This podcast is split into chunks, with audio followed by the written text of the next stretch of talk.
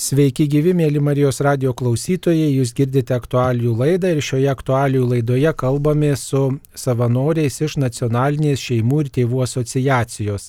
Šioje laidoje dalyvauja Lina Urbaitinė, Violeta Vasiliauskenė, Židrūnė Marčiulionė ir taip pat Elendas ir Vita Bartuliai. Sveiki gyvi! Sveiki. E, taigi sveikinam visus čia susijungusius į, į vieną tokią gražią mūsų laidą.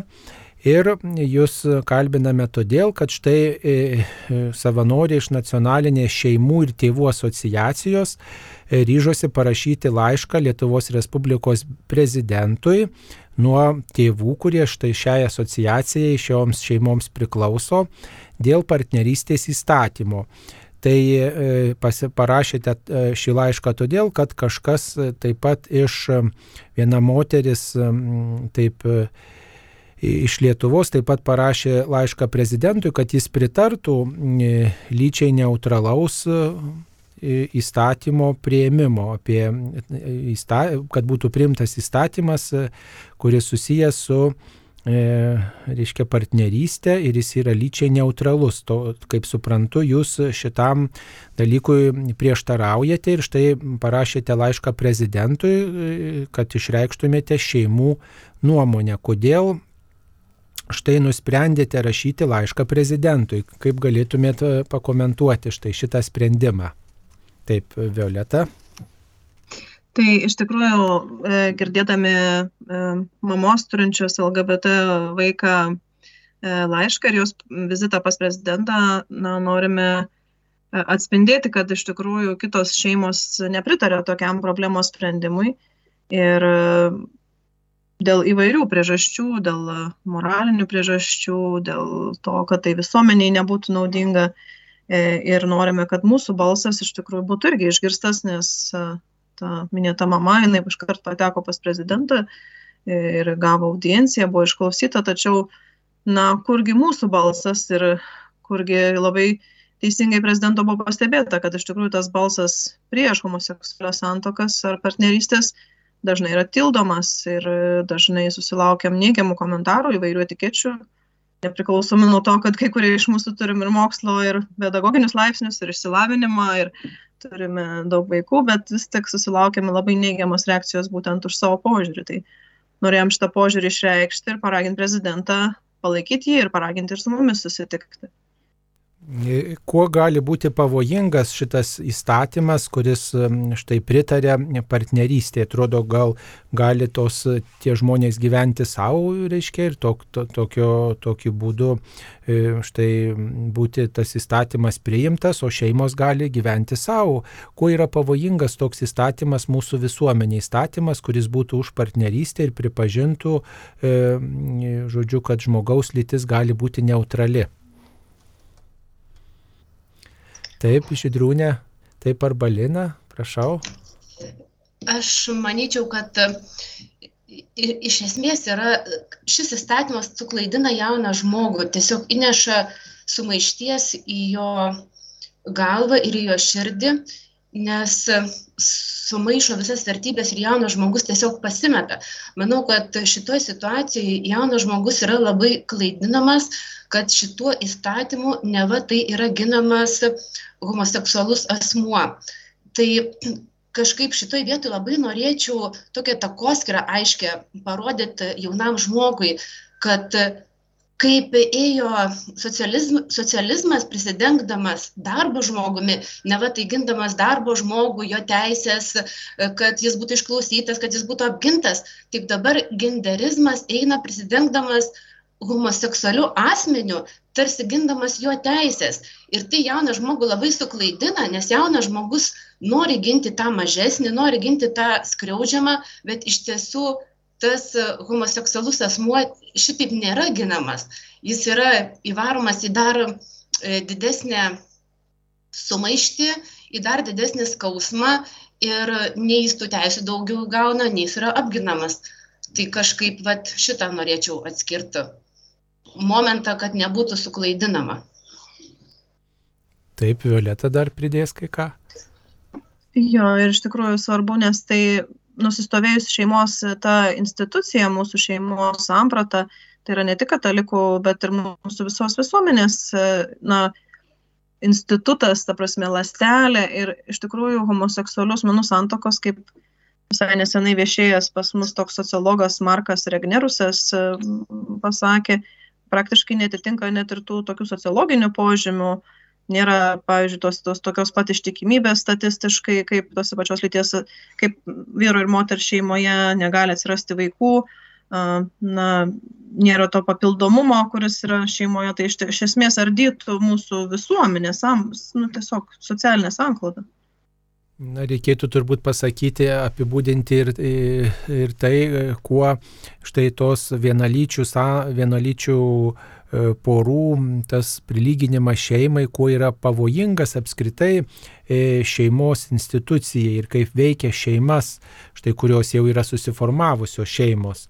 Galbūt apie tai galėtų ir Lendas ir Vita pasidalinti, kaip jūsų šeima veikia tokio įstatymo vat, e, galimybė, kad štai toks įstatymas būtų priimtas, o gal jūsų šeima gyvuotų kaip gyvavusi, o štai e, tie žmonės galėtų sudaryti tokias bendruomenės. Ką manote, Lendai ir Vita? Gal aš pradžioj apie, apie šį partnerystės įstatymą, projektą tiksliau. Tai nu, aš matau jį kaip, kaip tokį tikrai žalingą, žalingą šeimos institucijai.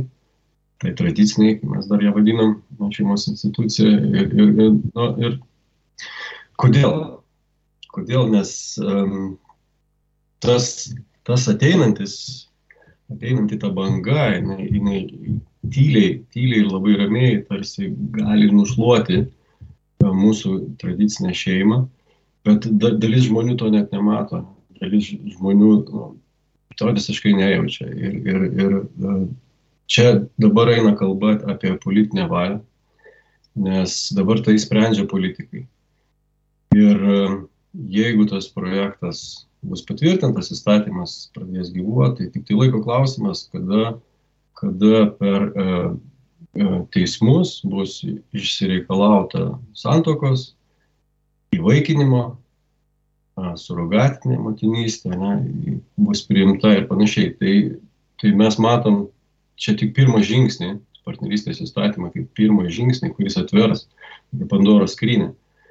Ir tai mus tikrai neramina, mes su, su žmona keturių vaikų tėvai na, taip atvirai galiu dabar pasakyti, kad nu, kol kas tokios, tokios grėsmės jos dabar nėra tarsi, nes mūsų vaikai dar maži, daug vyriausiam 13 metų, tai jam, jis jau dabar pradeda pabiški čia klausyti visą tai, bet, bet dar kažkaip tai neįsitraukęs. Bet, bet mes, mes matom, kas darosi pasaulyje, mes matom, kadangi aš tikrai nemažai žiūriu ir domiuosi tą temą, žiūriu įvairius, įvairius podcastus, laidas, diskusijose dalyvauju kai kuriuose su žmonėm ir, ir aš matau, kaip visas tai, kur tas traukinys nuvažiavo vakarų šalyse. Ir mes to neturim, čia dar kol kas, bet pirmieji daigai jau pradėjo dykti ir, ir jie nuo šių metų pradžios nu, ypatingai, ypatingai įsikeroja. Ir tai tikrai mus neramina, mus neramina kaip, kaip katalikus, kaip, kaip tėvus, bevaikius, kaip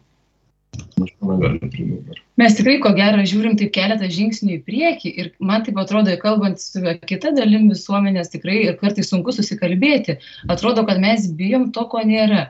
Mes žengiam tikrai truputį matom, kas bus po to ir čia yra nesusikalbėjimas. Aš kaip mama bijau turbūt pagrindinio dalyko - švietimo kuris ateitų iki vaikų ir būtų pateikiama, kad lytis yra pasirinkimas. Tai yra mano apsisprendimas, kada noriu, kuriuo metu aš benorėčiau, aš galiu apsispręsti. Ir aš manau, kad tai tikrai gali būti ypatingai žalinga paaugliam. Jau kalbant su psichologais, yra jau dabar matomi žingsniai, kad paaugliai nusistato patys savo savarankiškai interneto svetainių pagalba, angliškų, kad jiem, pavyzdžiui, yra lyties sutrikimas tai yra toks rimtas dalykas, toks rimtas apsisprendimas ir aš manau, kad ties šituo sprendimu turėtų dirbti, jeigu taip atsitiktų šeimoje ar ne, visa šeima turėtų kalbėti su vaiku, žiūrėti, diskutuoti, eiti pas psichologus ir jeigu tai tikrai ta lytis yra ar ne kitokia negu matoma biologiškai, tai būtų sprendimas ar ne, ką daryti su tuo toliau. Bet tai nėra toks lengvabūdiškas dalykas, kaip jis matomas dabar kaip mada ateinanti. Mane gazdina jaunimui ateinanti mada, pabūti, ko noriu. Ir tas jaučiasi, vad kalbam su giminaičių vaikais, paaugliais, mūsų dar mažesni, mes dar nejaučiam kad yra klasiai daug mergaičių, kurios visos už tai yra, kurios ten e, vos neimituoja, kad jos yra abi mergaitės kaip lesbietės greičiausiai, jos net pačios neįvardina, bet yra tokio maivimuose. Aš labai suprantu psichologiškai, kad paaugliai mėgsta maištauti. Čia yra dalis, per ką jie tarsi nori šokiruoti tėvus, vieni kitus. Bet ta mada, jinai tokia ateina su tokiu man šiek tiek grėsmingų dalykų, nes eina visa pop kultūra, visa seksualizuota kultūra. Jaunimas gauna labai daug informacijos informacijos ir man tas nepatinka, nes aš žinau, kad tai, kaip mes kalbėsim šeimoje, bus tikrai 20 procentų poveikis ir 80 procentų jie gaus iš išorės, kai jie augantis. Tai suprantu, kad palies mūsų vaikus nepriklausomai nuo mūsų šeimos vertybių ir va to švietimo tokio priverstinio nesinori, bet galbūt to nebus. Yra dalis žmonių, kurie galvoja, kad tai yra tik gynimas homoseksualių žmonių arba lyties ar ne kitokią tapatybę turinčių. Ir aš tada irgi suprantu, kad aš nesu prieš, jokių būdų. Nu, kuris iš tėvų gali būti prieš homoseksualų žmogų, vaiką, jeigu jis toks yra ar ne gimė, tėvai augindami vaiką mato, tai kaip tu gali nepriimti jo, kas gali jį smerkti. Tai yra tiesiog jo galbūt tokia istorija ir netoks likimas bet mes kalbam visiškai apie kitą pusę, kurios dar Lietuvoje tikrai nemato. Daugumą žmonių dar mes nejaučiam, arba taip yra kažkaip ne, neryškiai matoma, bet ta jaunimo kultūra ateinanti, jinai, man atrodo, vat, mane kaip mama labiausiai gazdina. Kas formuos mūsų vaikų pasirinkimus, kultūrą, netgi tai yra iki to, kad bus oficialiai ar ne švietimo programos mokykloje. Ar mes galėsime jas pasirinkti, pavyzdžiui. Aš gal norėčiau kaip mama lytinio ugdymo programos vertybiškai sudėliotos, kada mano vaikai gautų ir švietimą, ir ugdymą, ir ne vertybinį. Aš visiškai nenorėčiau tokios gender, nu, matėm kokios knygelės yra ir kaip pasakojama vaikam, net darželiuose ar ne persirenkim, pabūkim, o gal tu mergaitė, aš dabar savo keturmetį Elenytį sakyčiau, gal tu berniukas, ne kartais sako, aš norėčiau su kelniam, man patinka mašinėlės, tai gal jau ne berniukas, tai nu kas tai yra? Taigi vaiko raida psichologiškai visi žinom kad jie pereina tapatybę tikrinasi paauglystėj gali nekęsti savo kūno ir tai yra normalu. Bet tai nereiškia kad paaugliui kuris nemėgsta savęs galima nustatyt lyties sutrikimą. Tai psichologai net va tikrai kalbėjom kad taip jie nusistato. Nusistato kad nemėgstu savo kūno man nepatinka tas ir tas. Ir ten pasaulinės kokios svetainės mental health rodo kad turbūt tau lyties sutrikimas. Ir vaikas, įsivaizduokit, ypatingai tas pareiškėjo karantino metu, nes jie izoliuoti tam savo ekrane, jie prisižiūri svetainių, ne, ne, jie nežino dar tų sutrikimų netgi paauglystė jie kaip sutrikimą nusistato bipolinį sutrikimą gali užskaityti paauglystė. O kas yra bipolinis? Kai kinta nuotaikos. Įsivaizduokit paauglys įsijungia svetainę ir sako man nuotaikos tai kyla tai krinta. Aš ten tai taip jaučiuosi. Ir suaugusiam tai galėtų būti sutrikimas bipolinis ar ne? Tokia vat nuotaikų kaita. Paauglys neturėdamas nei patirties nei žinių įėjęs į kažkokią svetainę jisai nusistato sutrikimą aha jisai tada skaito apie tą sutrikimą ir jis pradeda galvoti kas man darosi. Tai ypatingai karantino metu jie yra izoliuoti google informacijos šaltiniuose ar ne? Tai tokius dalykus visų pirma reikia aišku ir šviesti pilna pilnai duodant jiem pilną informaciją pilną švietimą. Sekantis žingsnis aptarti su kažkuo. Jeigu jie nedrįsta nenori su tėvais tai turi būt kompetentingas žmogus su kuriuo aš kalbėsiu apie savo lyties tapatybė, kas man darosi, ko aš ieškau. Tai aš kaip mama einu labiau prie jaunimo. Partnerystės įstatymas taip, tarsi jisai daugiau eina dabar į patį šeimos suformavimą, gal truputį nuokrypis, bet mes matom, kad čia yra visas paketas, kaip sakant, išsipakuos daug dalykų, kuriuos mes priimam, žinot, kaip programą kokią atsisinti kompiuteryje ir išzipuoja ir pasileidžia viskas. Tai panašu, kad mes dabar priimam tą paketą ir paskui pasileis viskas, ko mes nelabai norim, bet panašu, kad bus, norėsim ar nenorėsim. Ir pažiūrėkit, kaip pavasarį buvo bandoma priimti partnerystės įstatymą, tai tarkim per LRT diskusijas buvo užduoti klausimai um, apie įvaikinimo galimybę, tai, tai jautėsi, kad tai tarsi, tarsi, sako, čia apie tai nėra kalbos, ne, tad biški tarsi slepiama buvo tai, bet po Kaunas Pride eitinių, kai mes žinom manifestą um, LGBT bendruomenės, tai ten tiesiai šviesiai pasakyta, įvaikinimo galimybė, panašiai. Tai vad, e, sakau, partnerystės įstatymas graž, gražus toks papirėlis saldainio, kuris pateikiamas visuomeniai, sakoma, kad kad visgi tai yra labai dideliai, dideliai daliai heteroseksualių porų, nors aš tikrai nemanau, kad, kad santokos institutas, jeigu nori susituokti, tai prašau, yra santoka, ne? Ir jeigu nenori, tai gyvena susimetę, kaip yra ir dabar, tai, tai tikrai to nereikia partnerystės heteroseksualiom porom. Bet tai tas saldainio papirėlis, jisai, jisai atvers tą Pandoros skrynią. Mano nuomonė tai tokia.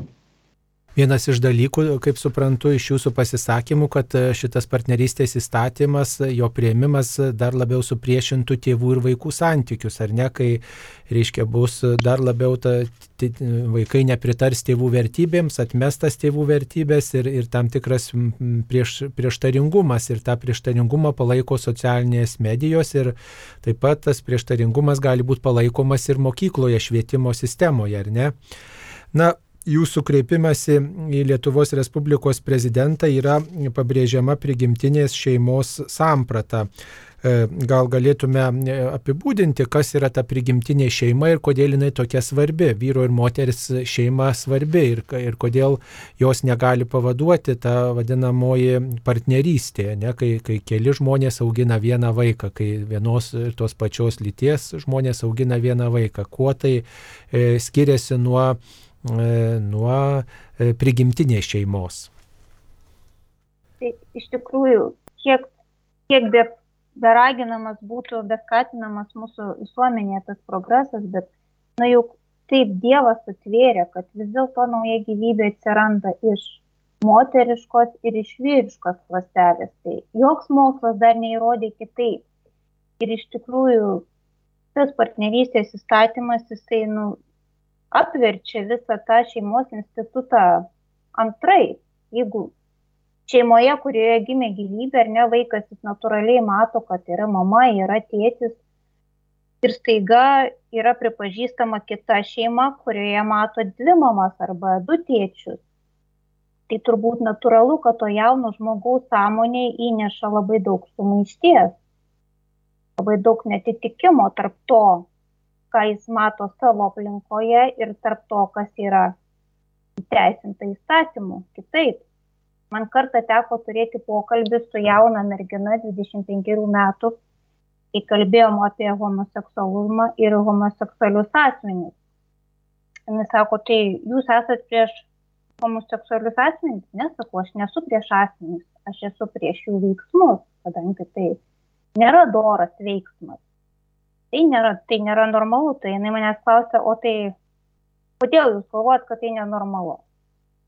Žodžiu, jaunas žmogus turi tokį supratimą, kad normalu yra tai, kas yra įteisinta.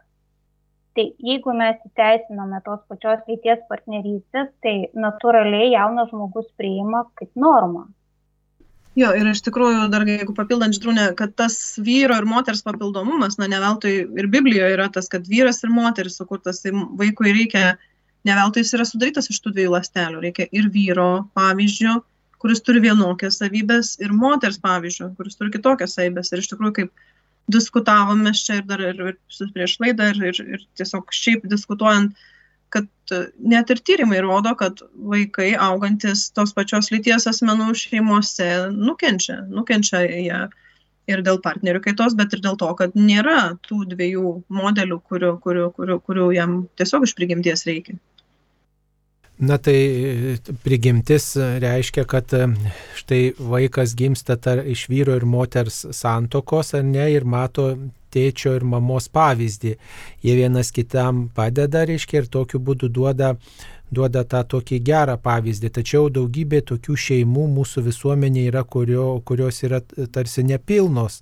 Na taip išeina, kad augina pavyzdžiui vaiką E, močiutė ir mama augina vaiką, ar ne, augina e, tėtis, pavyzdžiui, vaiką, nes e, nu, tiesiog šeima įsiskyrus, ne, daugybė tų skirybų yra. Na, kaip tokiais atvejais, na, vat, ar ta grėsmė irgi tada egzistuoja kažkokia, kaip mes galėtume sakyti, tai irgi gal ne, prie, ne pagal prigimti, kad, reiškia, šeima skiriasi ir augina, pavyzdžiui, tik tai vaikas auga tik moteriškoje aplinkoje, tai irgi ne pagal prigimti taip išeina. Na, iš tiesų, jeigu imant šitą situaciją, tai čia vis tiek yra tas, tas nujaučiamas tėčio trūkumas, ar ne, jeigu mama, pavyzdžiui, augina, vis tik tas to tėčio nėra, bet jo jis vaikas gali ilgėtis, jeigu jis turi dvi mamas ar du tėčius, jis jau nebeturi to kito, ar ne, jis turi pasitenkinti to, tais dviem vienodais e, tėvais. Ir na aišku ir to vaiko gyvenime jeigu kuris augo su viena mama tas tėtis vis tiek kažkur jisai figūruoja aišku kad yra skriauda bet jos mes nu nekuriam tyčia. Mes niekur nesukuriam tos situacijos specialiai. Man atrodo kad tas tas yra svarbu kad nu šitoj situacijoj aišku kad visokių situacijų būna gyvenime ir Gal aš dar norėčiau irgi šitą situaciją papildyti, kaip dažnai nutinka, kai vaikas, kaip Violeta minėjo, jaučia trūkumą ir jis pasamoningai tarsi susiranda savo tą tėčio ar mamos e, kaip pakaitalą. E, žmogų, kuris, kuris atlieka tą nesančio tėvo funkciją, tarkim, tai gali būti ar mokytojas, ar koks muzikos mokytojas, ar treneris, ar, ar kunigas. Vaikas kaž, dažnai nesąmoningai susiranda pats tą žmogų, kuris, kuris šiek tiek, kad ir kelias minutės pabūna to tėčiu ir jį tai užaugina. Bet galima sakyti, kad žmogus, kuris auga štai dviejų tėčių arba dviejų mamų šeimoje, taip pat gali susirasti tą žmogų už šeimos ribų, kuris būtų kitos lyties ir tokiu būdu bus ši problema įspręsta. Ką apie tai pasakysit? bet jau tokioj šeimoj aug vienalytėj šeimoj augdamas vaikas jam jau yra teigiama kad jis turi viską kad jis turi tarsi abi mamas ar tarsi jis yra pilnoj šeimoj tai va čia man atrodo yra ta problema kad jis jo. nejaučia to ilgesio Jo, arba tas ilgesys visai yra slopinamas, ta prasme, nu, kad ne, net net ne, ne, neranda, kaip jo gyventinti. Na, taip pat jūs šiame dokumente kreipimės į Lietuvos Respublikos prezidentą dėl partnerystės įstatymo, kalbate apie moralinę aplinką. E, šiek tiek jau apie tai kalbėjome, kad tas, kas įteisinama, tarsi yra ir legalu. Jeigu įteisinama nuodėmė, e, tai atrodytų tai ir normalu. Gal galėtume daugiau pakomentuoti, kiek yra svarbi ta moralinė aplinka puoselėjant šeimos vertybės. Iš tikrųjų, tai jūs jau minėjote, ar ne, kad e, tas vat, įteisinimas, jisai sukuria to teisėtumo, e, teisėtumo tokį pojūtį ir tos moralės e, na, skatinimas, tarsi, kad, pavyzdžiui, buvo Maltos atvejis, kur iki pat 2005 metų šitoje šalyje nebuvo leidžiamos skirybos. Ne, ir, ir buvo minima, kad įteisinus skirybas, ta prasme, paskui pasipila ir visi kiti, visi kiti su to susiję aspektai. Ne? Tai tas moralumo saugojimas, jisai yra geras visuomeniai, jis yra, na, ne tik moraliai mes žinom, kaip tikinti žmonės, kad tai yra geras žmogui, bet net objektyviai, mokslu, ta prasme, tai galim ir mokslu pagrysti, kad ta visuomenė, kurioje, pavyzdžiui, yra saugoma negimusi gyvybė, daug labiau uh, saugo E, ir mamą. Ta prasme, daug geresnė yra gimdyvių priežiūra. Tai va, tas, tie visi dalykai yra labai susiję. Ta prasme, jeigu mes e, įteisinam nemoralumą, mes iš tikrųjų einam tuo praktiškai link Sodomos ir Gomoros likimo. Ta prasme, kad nu, vis labiau uh, ta visuomenė na, ištvirksta ir, ir jinai vis labiau, vis labiau grimsta į tą, į tą liūną, kur yra malonumai, savęs patenkinimas ir, ir, ir nebelieka to, to visuomenės gėrių. Na, savo dokumente jūs sakėte, e, šiame dokumente, kuris e, štai e, skirtas Lietuvos Respublikos prezidentui dėl partnerystės įstatymo, tiesiog, kad šis kreipimasis nėra prieš homoseksualius asmenis ir kad šis dokumentas, na, kuris gali būti priimtas, tas partnerystės įstatymas, neprivers labiau gerbti tų asmenų o priešingai, e, priešingai galbūt dar skatins e, tokį priešiškumą. Na, ar, ar teisingai galima taip traktuoti, kad tokių įstatymų tikrai šeimose žmonėse nebus skatinamas, skatinama pagarba, pagarba na, vat, į, į tai linkusiems asmenėms. Aš tai norėčiau dabar suoponuoti turbūt dėl, dėl tos nepagarbos homoseksualiems asmenims. Iš tikrųjų, ar mūsų visuomenė jau yra tokia netolerantiška tiems homoseksualiems asmenims. Čia labai reikėtų dar kartą atskirti, ką mes ir savo laiške norėjome pabrėžti, kad mes nesame prieš asmenys, mes esame prieš jų veiksmą, prieš, prieš nu, mums krikščionims nepriimtinus veiksmus, norint, norint padaryti juos normą ir kada yra remiamasi vien tik tai jausmu, kad aš šiandien jaučiuosi toks ar anoks, tai iš tikrųjų yra labai pavojinga. Mes tokiu principu galime nueiti labai giliai, nes galbūt aš šiandien taip jaučiu, kad aš turiu eiti ten aplokti, tarkim, aš jaučiu, nu aš noriu. Tai tiesiog gal tas pavyzdys yra primityvus, bet aš noriu pabrėžti, kad vien tik remtis jausmais atmetant moralinius įsitikinimus nusistovėjusius per amžius ir, ir atmetant galų gale ir, ir paties Dievo įsakymus, tai mūsų visuomenė veda ko gero į pražūtį.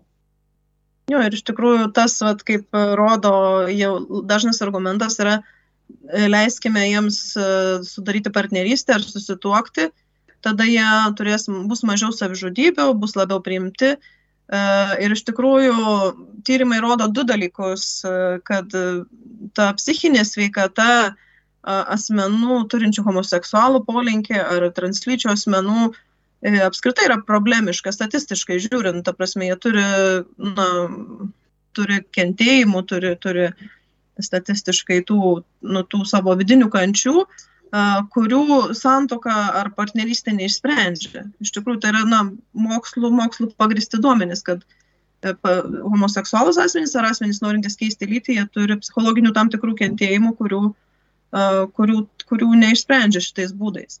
Ir kitas dalykas, ką, ką vat, nesenai spaudoje teko matyti ir, ir, ir, ir, ir tas faktas įdomus buvo, kad e, ko gero, kad uh, LGBT bendruomenės, homoseksualių asmenų bendruomenės nariai patiria ko nedaugiau neigiamų dalykų ir persekiojimų tose jau liberaliuose valstybėse negu mūsų rytų valstybėse, kurios neturime tvirtinę tos partnerystės. Taigi tai nėra taip vienareikšmiškai, kad mes čia vat, jau iškart juos pradėsim įtvirtinti nesantoką, išspręsim visas šitos bendruomenės problemas ir tas, tas nėra tiesa.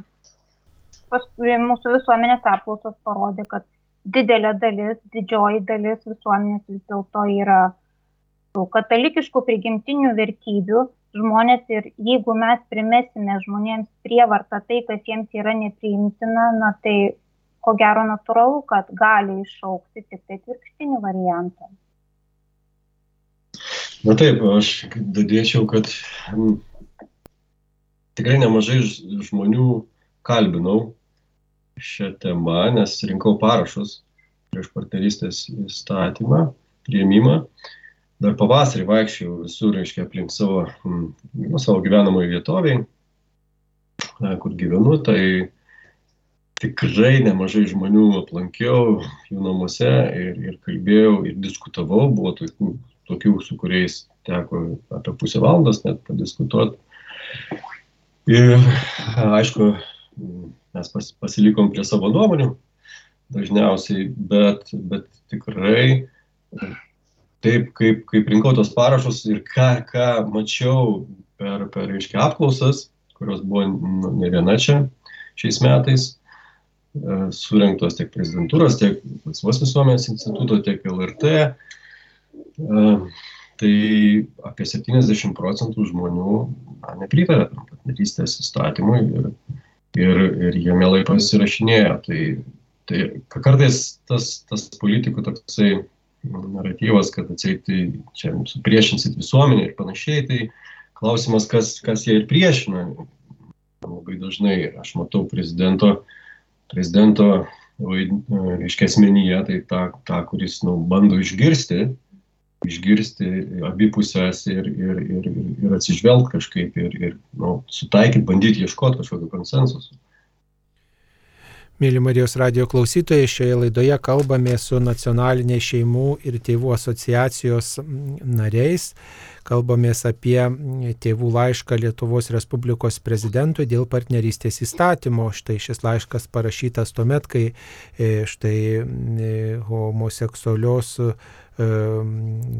vieno homoseksualaus asmens mama kreipėsi į prezidentą prašydama priimti, pasirašyti, pritarti partnerystės įstatymui. Štai ir šeimos panoro taip pat išreikšti savo poziciją dėl tokių įstatymų. Ir dabar štai kalbamės su tai žmonėmis, kurie yra šio laiško iniciatoriai ir pritarė šeimos palaikymu ir nenori, kad partnerystės įstatymas būtų priimtas.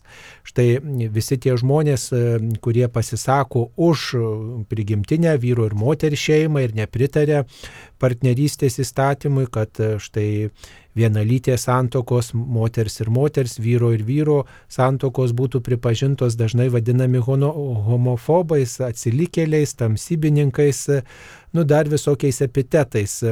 Ir mm, tarsi raginami užtilti, tylėti ir, ir nesipriešinti, mm, štai nekelti apskritai prigimtiniai šeimos vertės, o kaip tik tai parodyti tą e, vienos lyties asmenų šeimos grožį. Gal tai ir yra tikroji diskriminacija kaip prigimtinės šeimos šalininkai, vyro ir moters šeimos šalininkai yra tokiais atsilikėliais vadinami. Šiek tiek apie tai jau buvo užsiminę, tačiau gal apie diskriminaciją taip pat daugiau galėtumėt pasakyti, gal sulaukėte ir kažkokių išpolių, pavyzdžiui, socialiniuose tinkluose, kažkokio tokio prieštaravimo arba darbovietėse ar dar kažkur tokio, tokios paniekos ar, ar, ar kažkokių kitų tokių, nu, neprimtinų ženklų, kuriuos būtų galima pavadinti diskriminacija šeimų, vyro ir moters šeimos arba e, tokios, tokios nuomonės palaikytojų diskriminavimo. Taip, Erlandai. Na, aš dėsiu apie baimę.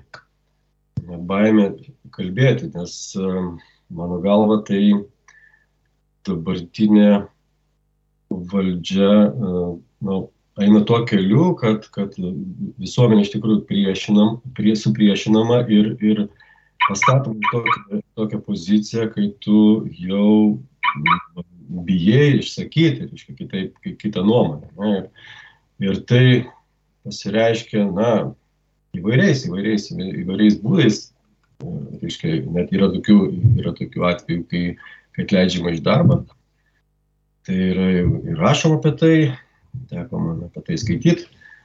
Tai aš asmeniškai, kadangi dirbu pats savo, tai aš tos, tos tokios, tokios patirties neturiu, bet aš, aš matau tos, tos visuomenės tą, tą truputėlį tokį įsibaiminimą. Čia mes galim kalbėti apie labai daug dalykų, kaip apie virtualų patrulių, ne, žodžio laisvės bandymų užgneušti. Tarp kitko šitie procesai vyksta e, vakaruose ir, ir, ir jie dabar tik ateina čia į Lietuvą, tai na, negalima sakyti, kad jie yra visi blogi, nereikalingi ir panašiai, bet jie kartais tikrai kelia nerimą ir apie juos reikia šnekėti.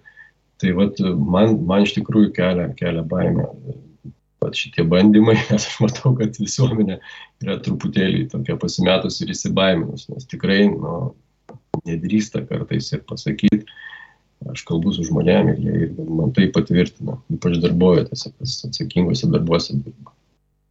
Taip, žydrūnė dar kai ką pridėtų. Aš norėčiau tik tai pantinti Erlendų dėl žmonių baimės. Iš tikrųjų, savo aplinkoje tenka susidurti labai dažnai, kai žmonės kalbant savo uždaram rate palaiko tą nuomonę ir, ir, ir visapusiškai pritarė, bet viešoje erdvėje jie nedrįsta to parodyti. Ir susidūriau savo tiesiog asmeniškai darbe kai mano gimnazijai, kurioje dirbo administracija, gavo anoniminį laišką, jog jūsų mokykloje dirba tokia ir tokia mokytoja, jį vadovauja klasiai, yra homofobiškų pažiūrų ir jūs susirūpinkite, kokią įtaką galbūt jinai neigiamą daro savo auklėtinėms. Tai iš tikrųjų tokia, nu, švelni patirtis, kadangi aš nenukentėjau nuo to, turėjau tik tai pokalbį su administracija, bet tai rodo, kad realiai žmonės turi ko bijoti, kad ta jų baimė yra realiai pagrįsta.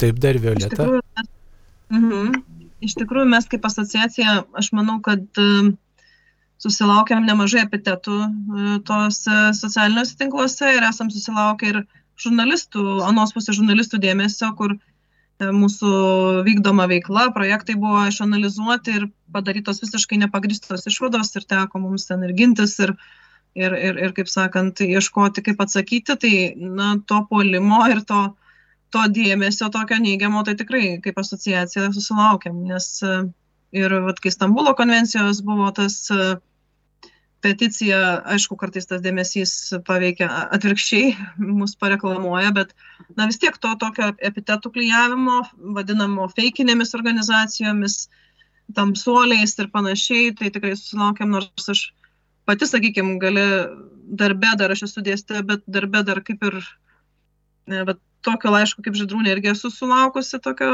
uh, iš šono, bet, uh, na, kažko ne, nesu nukentėjus, bet va taip kad prisistatyti savo darbovietę, e, kalbant visuomeninėje veikloje, tai aš jau dabar nedrįstu. Ta prasme, tos tokios, tiesiog pristatau save kaip asmenį ir asociacijos atstovą, bet ne kaip darbovietės atstovą. Tai va, tas tokia įtampa visą laiką jinai visą laiką lieka.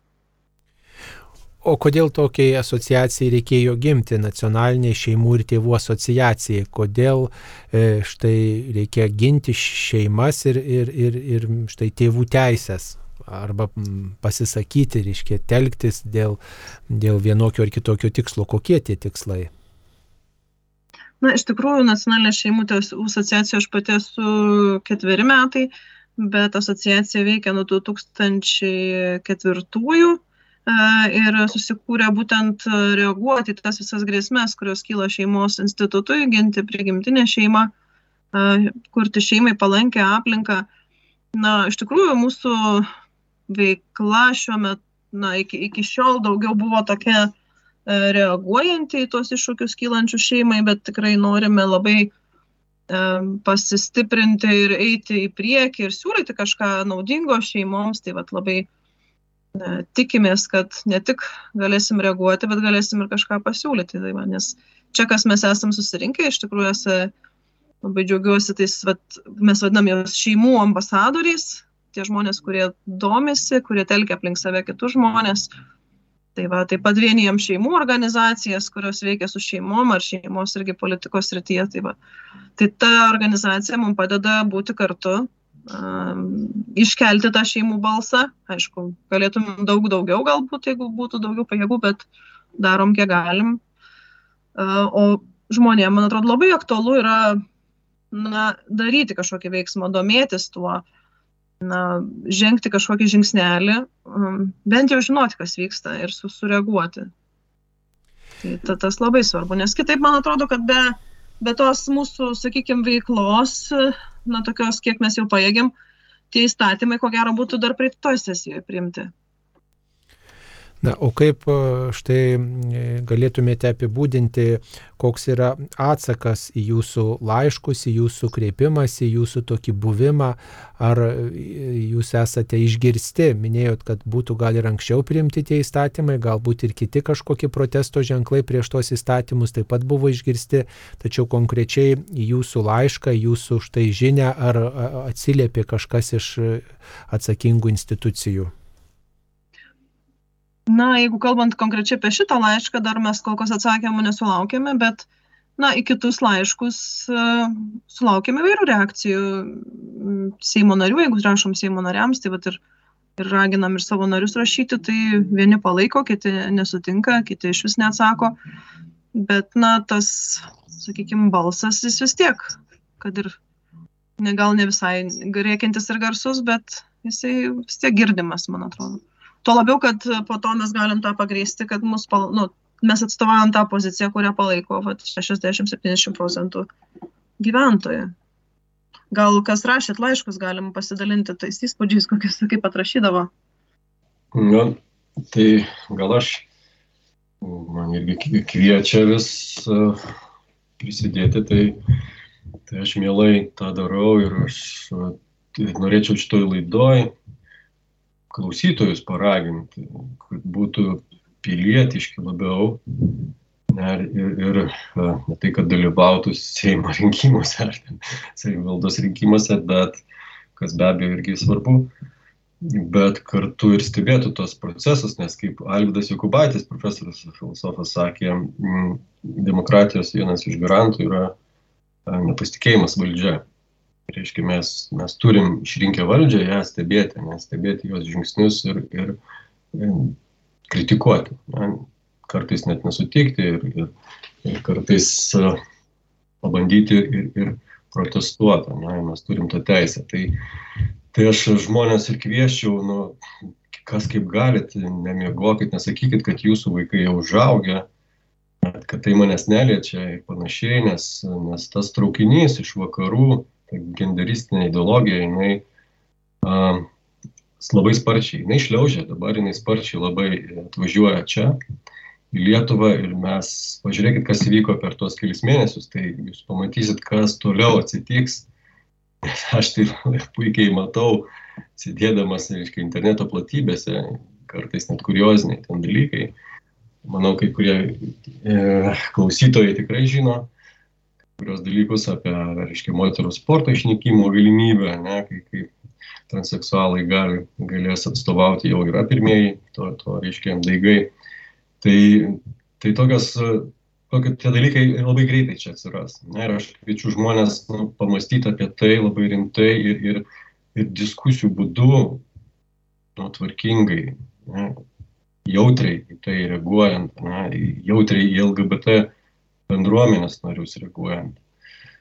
Ieškoti išeities, ne, nes yra pasiūlytas ir, ir bendro gyvenimo sutarimo įstatymas, kuris tikrai pakeistų, pakeistų tą situaciją, ko jie nori šiuo atveju, ne, nereikalinga būtų partnerystės įstatymo prieimimo ir, kišimas į šeimos instituciją. Ir, ir, ir aš paprastus žmonės visus irgi raginu, nu, domėkitės, rašykit Seimo nariams, ne, dalyvaukit diskusijose, šnekėkite darbe aktyviai, drąsiai, nes mes žinom, kad viena iš darybių šiais laikais apie darybės labai mažai kas kalba, jūs pažiūrėkit, kalba tik apie vertybės. Tai viena iš tų darybių, darybių yra ne, tiesa. Mes tos tiesos turime ieškoti, ne, ieškoti ir ją sakyti. Tai, tai aš labai raginu klausytojus aktyviai. Taip, gal dar Lina arba taip, Lina, prašom. Aš gal dar norėčiau papildyti, kalbant apie partnerystės, kur aš matau didžiulę grėsmę, tai būtent šeimoms matau grėsmę, kad mes šeimos auginančios tradiciškai vaikus jau nebeturėsim toj teisės taip auklėti savo vaikus ir jau toj nebeturėsim teisės garsiai pasakyti savo nuomonę. Tai jau e, krikščioniškas auklėjimas jau tuoj bus galimas tik pogrindyje, nes jau tai bus kaip netolerancijos kalba traktuojama. Ir, ir dar labai, kas mane neramina, tai būtent vaikų ateitis. Tai užsienį mes jau turim patirti kartų, kurios yra užaugusios vienalytėse šeimose. Ir yra padaryta begalė studijų ir mokslinių tyrimų, kur yra patvirtinama, kad vaikams jau tik įvaikintiems vienalytėse šeimose jiems iš karto reikia psichologo pagalbos tie žmonės, kurie užaugo vienalytėse šeimose, jie turi didelių psichologinių problemų visą gyvenimą. Ir tai yra studijos padarytos, moksliniai tyrimai. Kodėl visa tai yra slepiama, kodėl tai yra nutylima, kai yra kalbama apie tokio įstatymo prieimimą, kodėl nekalbama apie šitas grėsmės. Tai va, va tas tylėjimas šituo klausimu dėl vaikų, tai man ir kelia didelių abejonių, kodėl taip yra stumiama, neįvertinant tiesiog pirmųjų asmenų, kurie labiausiai nuo to, su tuo susidurs ir nuo to akivaizdžiai nukenties. Nors tai bandoma pateikti, kad tie vaikai auk šeimose, mylimi, bet, bet jie psichologiškai yra stipriai žalojami ir tai yra ne, nenumatoma, o tai yra jau e, kitų šalių patirtis. Mes jau galime tą matyti žiūrėdami į patirtį kitų šalių, kur jau, jau yra užaugę žmonės. Tai, tai va čia aš matau didelę grėsmę. Taip, žydrūnė. Taip, aš dar norėčiau paminėti dar vieną labai svarbų aspektą, tai demografinius rodiklius. Ir jungtinių tautų ataskaita kalba apie tai, kad mes esame sparčiausiai nykstanti tauta pasaulyje. Ir pagrindinė to priežastis yra mažas gimstamumas. Per 30 su trupučiu nepriklausomybės metų tie gimstamumo rodikliai jie daugiau negu dvigubai sumažėjo. Tai reikėtų ieškoti, kurgi yra nenoro gimdyti vaikus priežastis. Ir aš manau, viena iš tokių esminių priežasčių, ko gero, yra tos santokos ir prigimtinės šeimos instituto nuvertinimas viešojoje erdvėje. Taip, dar. Aš gal noriu papildyti, man iš tikrųjų ir kalbant su kita pusė, ar ne, mes kartais ir draugų rate diskutuojam, mes tokie truputį senamadiški, dėl ko daug kas nenori sakyti, kad nepritari, nes tu toks tarsi nešiolaikiškas, kažkoks va užsienyje taip jau senai yra, vakaruose visi taip gyvena, mano draugės grįžę iš užsienio sako, nu, nu sako, tu kažko čia bijai, ko nėra, bet pas mus viskas vyksta ir niekas nesugriuvo, nu pažiūrėk. Ir tada va, man tai norėtųsi tokio atvirumo. E, kas yra partnerystė? Ar tai yra tik dviejų homoseksualių žmonių santykis, kuris yra įteisėtas? Ir dauguma taip ir sako, ko jūs pykstat, ko jūs neleidžia tiem homoseksualiem žmonėm gyventi kartu. Irgi mes niekas nediskutuojam apie tai. Mes suprantam ir jau tikrai atvirai net ir politikai kalba, kiek metų užtrunka nuo šito įstatymo iki įtvirtinimo santokus.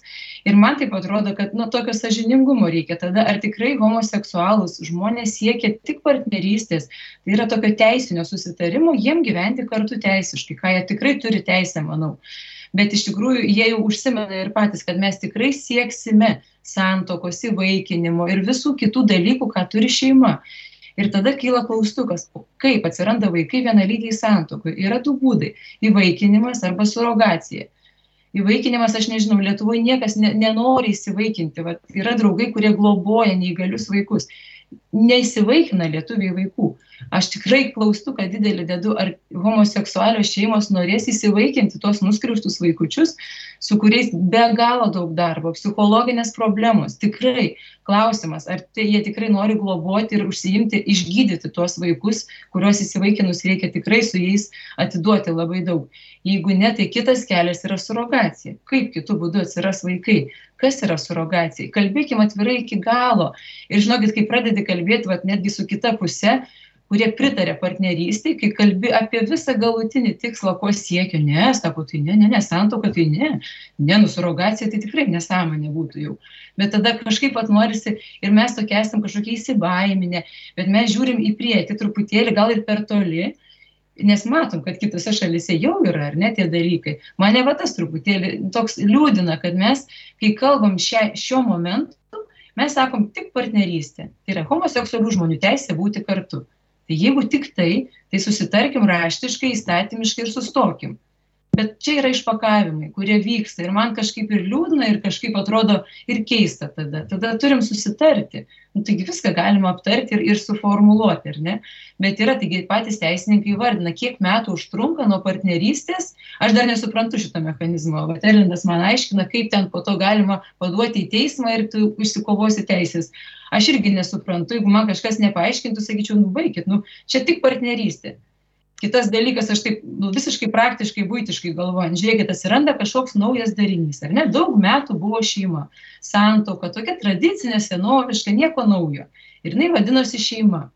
Atėjo nauji laikai atsirado kažkoks naujas nu gal kūrinys ar ne? Dviejų e, vienalyčių žmonių santykis. Tai pavadinkim jį nauju vardu nugi nieks nevadina pavyzdžiui nu taip gal primityvu visiškai. Buvo kažkada televizorius nu aš neprilyginu čia santuokai bet man kažkokia pirma mintis.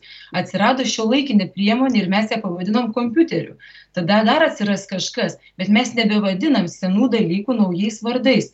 Tai jeigu tai yra kažkas naujo pasaulyje visuomenėje ir neatsirado sukurkim naują pavadinimą. Ir nebesumaišykim tų dalykų kad atskirkim. Tai yra šeima tai yra kitoks darinys, tai yra santykis, dviejų žmonių partnerystė, kažkas kitaip, bet kai juos sumaišai, tikrai tada nu, tie visi įstatymai liečia, liečiantis šeimą apima ir kitą, tą naują santykį, bet tai nėra tas pats. Vaikai atsirandantis šeimoje yra savaiminis dalykas, jis net ir nekainuojantis, ar ne? Nu, ta prasme, o kaip atsirasti vaikam? Taigi žinom patys, kiek kainuoja dirbtinis apvaisinimas, net ir heteroseksualiom šeimom tai yra be galo brangu, gali sau leisti tik tais labai tie, kurie turi daug pinigų, valstybė kol kas neapmoka. Tai kaip tada, nu, tai jie tada norės, kad būtų apmokamai teisinta, nu kažkoks chaosas. Man toks ir pirmas momentas toks neįsiaiškinimas iki galo. Nu, kodėl tai yra kažkaip neįvardinama. O jeigu ne, tai tada nu, sutvarkom, kad tai yra tik partnerystė, tik dviejų žmonių buvimas kartu, neliečiant kitų, ar ne, nelendant į švietimą, nelendant į vaikinimą, nelendant į surogaciją, kas liečia labai daug moralinių dalykų. Man, pavyzdžiui, surogacija tai yra, nu, aš neįsivaizduoju, psichologiškai yra toks darinys, kas man pagalvojus net kelia siaubą, kiek įtraukia žmonių. Tai gal per toli žiūrim. E, tuo pačiu galbūt reikėtų tą pačią progą ir paaiškinti, kas yra ta surogatinė motinystė tiems žmonėms, kurie negirdėjo šito termino arba jį tiesiog pamiršo ar kažkaip e, nelabai supranta, kas tai yra. Gal tiesiog paprastai žodžiais pabandykite Lina paaiškinti, kas yra toji surogatinė motinystė, kai, sakykime, vienalytei, vienalytei šeimai, vyrų, dviejų vyrų šeimai kažkas padovanotų vaikelį, kaip tai vyksta. Tai kai pora susitarė, vienalytė pora susitarė, kad jiems kūdikį pagimdys kita moteris ir atiduos. Tai aš manau, kad čia yra aukščiausio laipsnio vergovė ir baisi priekyba žmonėmis, nes yra parduodamas iščiose vaikas. Vienareikšmiškai. Tai man tai irgi jau žemiau žmonijai kristi nėra kur, kai yra parduodamas iščiose vaikas. Taip ir tokių dalykų, reiškia, pradžia tai gali būti šitas įstatymas, kuriuo įteisinamos e, vienalytės poros. Taigi, mėly Marijos radio klausytojai, šioje e, laidoje mes kalbamės apie laišką, kurį pasirašė Nacionalinė šeimų ir tėvų asociacija Lietuvos Respublikos prezidentui dėl partnerystės įstatymų. Taigi, apibendrindami šitą laidą, galbūt dar labai trumpai tiems, kurie mūsų klausosi ne nuo laidos pradžios, galėtume pasakyti, kuo tas partnerystės įstatymas yra pavojingas ir kodėl neutralumas lyčiai nu, yra nu, nenatūralus ir, ir pavojingas. Gal kaip galėtume trumpai keliais sakiniais apibūdinti, gal visi laidos dalyviai galėtumėt po sakinuką. Taip, Violeta. Tai pirmiausia, tai mano nuomonė ardo mūsų nusistovėjusią visuomenės sampratą, įtraukia dar vieną darinį, kurį bando prilyginti šeimoms, kuris netitinka šeimos, neturi šeimos savybių, kuris nėra gera terpė aukti vaikams ir kuris atidaro daug įvairių grėsmių visuomeniai, apie kurias kalbėjom. Tai yra ir vaikams netinkama aukti aplinka, ir įsitikinimų laisvės suvaržymas, negalint sakyti apie e, savo įsitikinimų ir panašus veiksmai. Taip, žydrūnė. Aš trumpai tik tai, tai dar galėčiau papildyti, kad jauno žmogaus sąmonėje įneša didelę vertybinę sumaištį. Taip, Lina. Aš irgi pantrinsiu, pantrinsiu žydrūniai, kad man tai atrodo neutralumas lyčiai, tai labai sujaukia jauno žmogaus sąmonę ir kuriam yra ir taip sunku rasti savo tapatybę jaunystėje, tai dar labiau jį suklaidina ir visiškai sumaišo jo protą ir širdį. Gal truputėlį ir pasikartosiu, ką sakiau, kad jeigu tai yra naujas kažkoks reiškinys, darinys visuomeniai, tai turėtų būti ir nauji įstatymai, ir naujas pavadinimas, ar ne, nesumaišant nes mes kažkaip ir atstovaujam, ar net senoviškai, bet yra kažkas naujo ir turim tikrai sukurti naujus įstatymus ir naujus pavadinimus dalykam, nemaišantų. Na, nu, o aš pasikartojant, tai perspėjimą tokį, kad, kad tai yra Tai yra pradinis žingsnis, partnerystės įstatymas, tik pirminis, pirminis žingsnis, kuris atidarys vartus visiems kitiems šios ideologijos įstatymams. Tai tai praktiškai pasiekiama kaip, kaip, kaip specialistai sako, per 4-7 metus Lietuvoje mes turėsim visą tą pačią plokštę tų įstatymų, kurie yra vakaruose.